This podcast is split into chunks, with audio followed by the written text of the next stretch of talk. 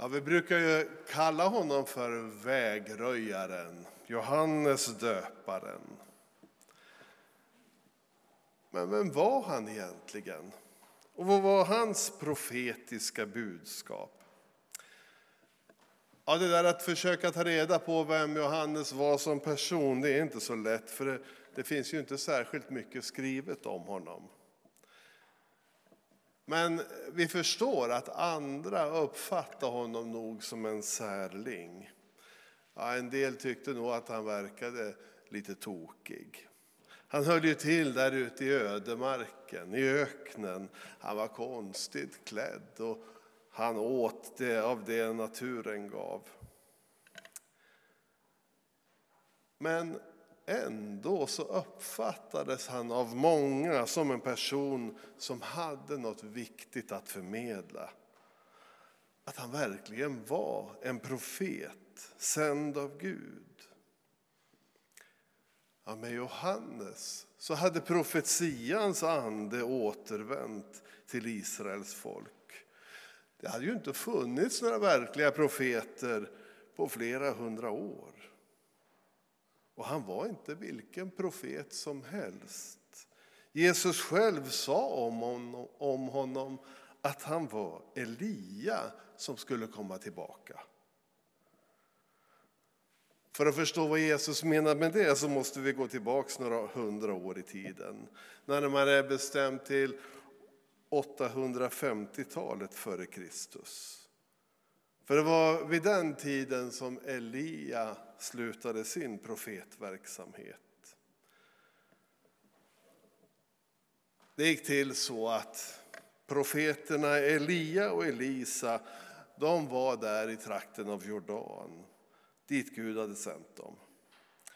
Och medan de gick där och talade med varandra så fick de plötsligt se en vagn som av eld med hästar som också var som eld förspända för vagnen. Och så kom det en stormvind och så fördes vagnen och Elia upp till himlen. Och Elisa, han såg honom inte mer. Det var Gud själv som hämtade Elia till sig. Och så småningom så växte det fram en tradition som sa att Elia skulle komma tillbaka i den yttersta tiden. När Herrens dag närmar sig, ja, då skulle Gud sända Elia till att predika omvändelse för Israels folk. De skulle få chansen att bättra sig innan Människosonen kom med sin dom. Profeten Malaki skriver i sitt fjärde kapitel så här. Se, jag sänder profeten Elia till er innan Herrens stora och fruktansvärda dag kommer. Han ska vända fädernas hjärtan till barnen och barnens hjärtan till fäderna så att de inte viger landet åt förintelse då jag kommer. Nu har alltså profeten Elia kommit tillbaka i Johannes gestalt. Han ska röja väg för Människosonen.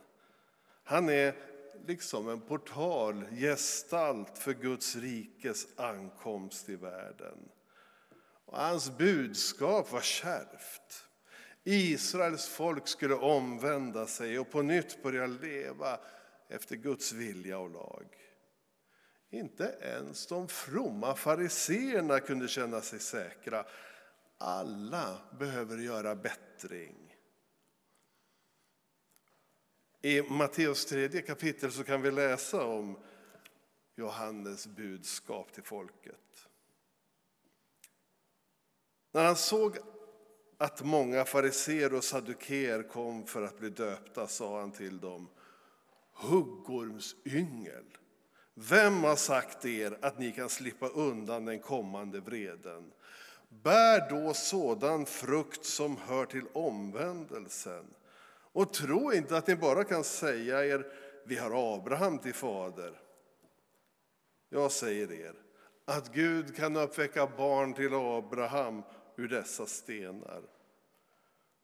Redan är yxan satt till roten på träden. Varje träd som inte bär god frukt ska huggas bort och kastas i elden. Jag döper er med vatten för omvändelsens skull, men han som kommer efter mig är starkare än jag och jag är inte värdig att ta av honom hans sandaler. Han ska döpa er med helig ande och eld. Han har kastskoveln i handen och ska rensa den tröskade säden och samla vetet i sin lada.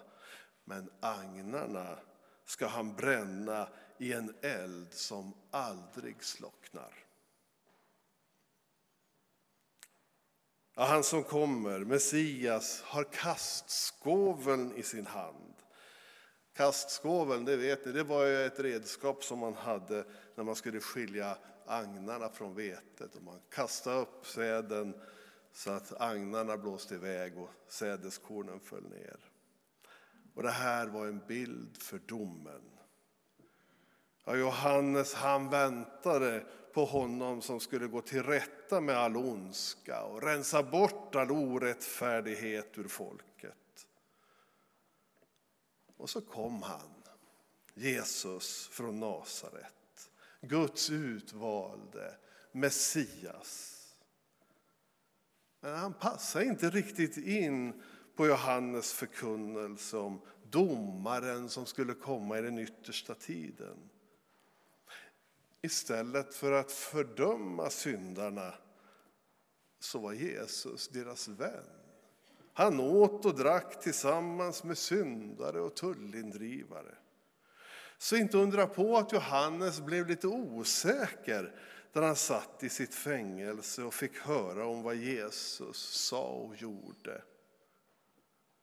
Johannes han skickade iväg sina lärjungar och till att fråga Jesus är du den som ska komma eller ska vi vänta på någon annan? Jesus han svarar med att visa på det han gjort och gjorde. Och han använder sig av orden i Jesaja som berättar om vad som ska hända när Guds rike bryter in. Blinda ser, lama går, spetälska blir rena och döva hör och döda står upp och fattiga får ett glädjebud. Ja, vi vet inte om Johannes kände sig lugnad av beskedet han fick. För det dröjde inte så länge innan han själv blev avrättad. Men vi förstår att Johannes nog hade lite svårt att förlika sig med hur Jesus presenterar frälsningsbudskapet. Johannes levde ju så mycket mer i det gammaltestamentliga synsättet. Att människan skulle göra bättring, att hon kunde och skulle leva efter lagens bud. Att det var på människan själv det berodde. Om man verkligen gjorde bättring, om man verkligen levde rättfärdigt, ja, då skulle man också bli räddad och få del i Guds rike.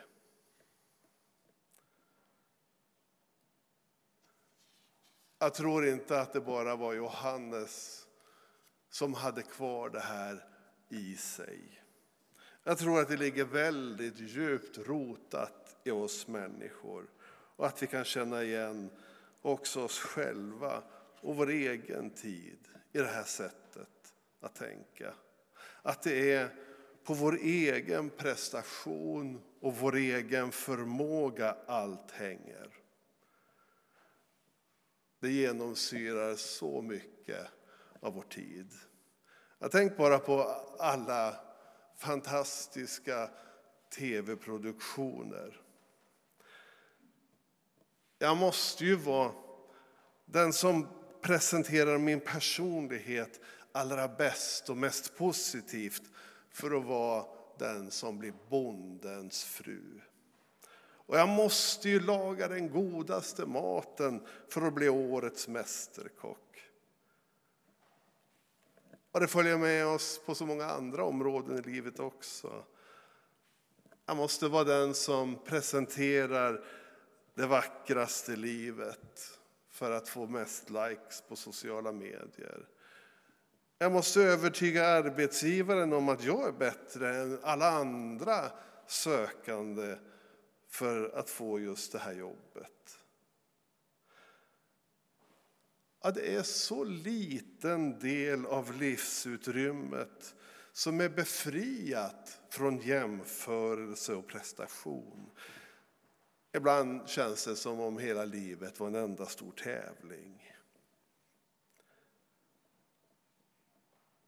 Och det här prestationstänkandet det genomsyrar så mycket av samhället och våra liv att många nog har svårt att föreställa sig att det finns en annan lösning på livets stora frågor än att vi alltid måste vara de som presterar mest och bäst.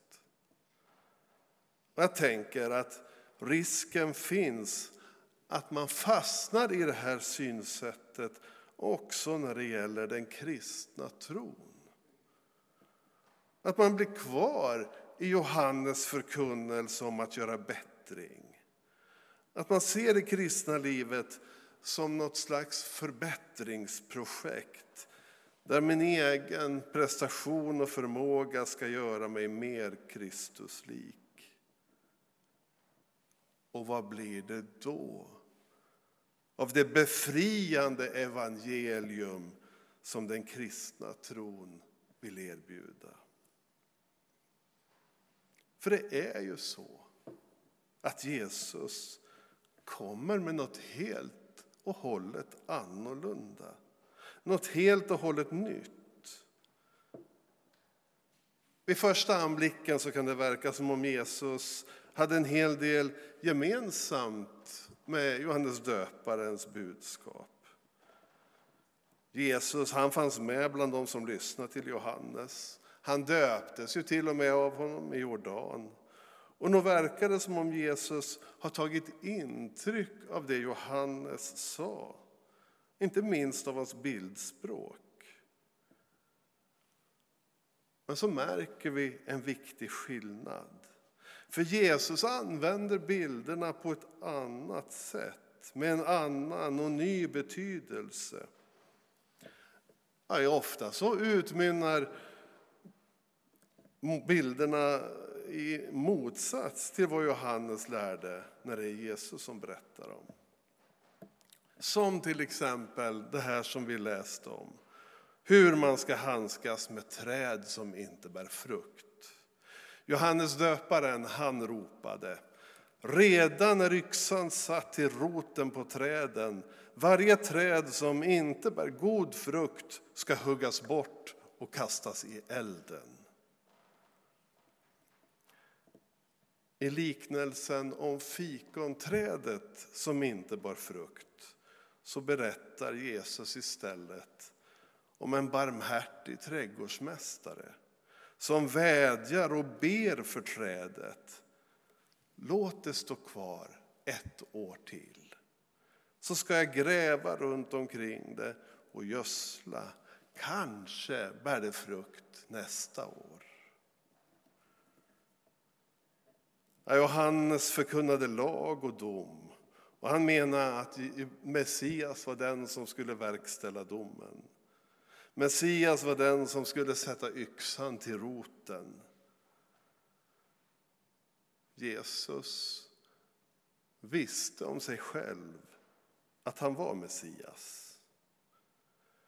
Men kärleken tvingade honom att välja barmhärtighet framför yxhugg.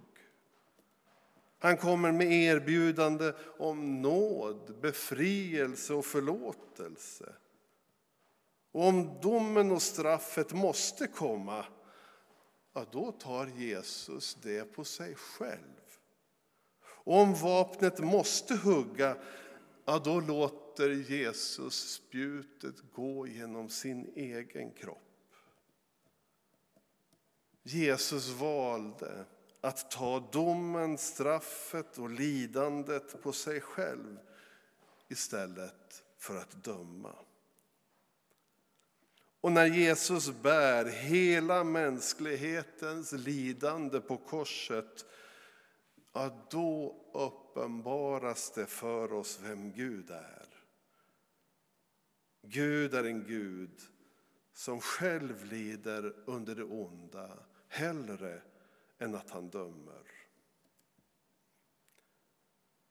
Ja, det Jesus kommer med är något helt och hållet annorlunda. Det är Gud själv som kommer till oss. Han kommer för att dela det som är vår vardag och våra livsvillkor mitt i jämförelse och prestationssamhället.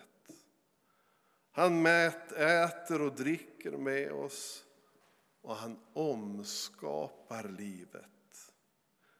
Det handlar inte längre om bot och bättring, om att själv försöka förbättra och förändra sitt liv utan om att låta sig förvandlas i mötet med honom. I Jesus Kristus kommer Gud till oss. Med nåd och förlåtelse möter han oss där vi är med en kärlek som övervinner allt. Och allra tydligast blir det för oss när vi får ta emot honom själv i brödet och vinet vid nådens bord. Johannes han var slutet på det gamla och han banade väg för det nya. Han beredde vägen för mötet med Herren Jesus Kristus själv. Amen.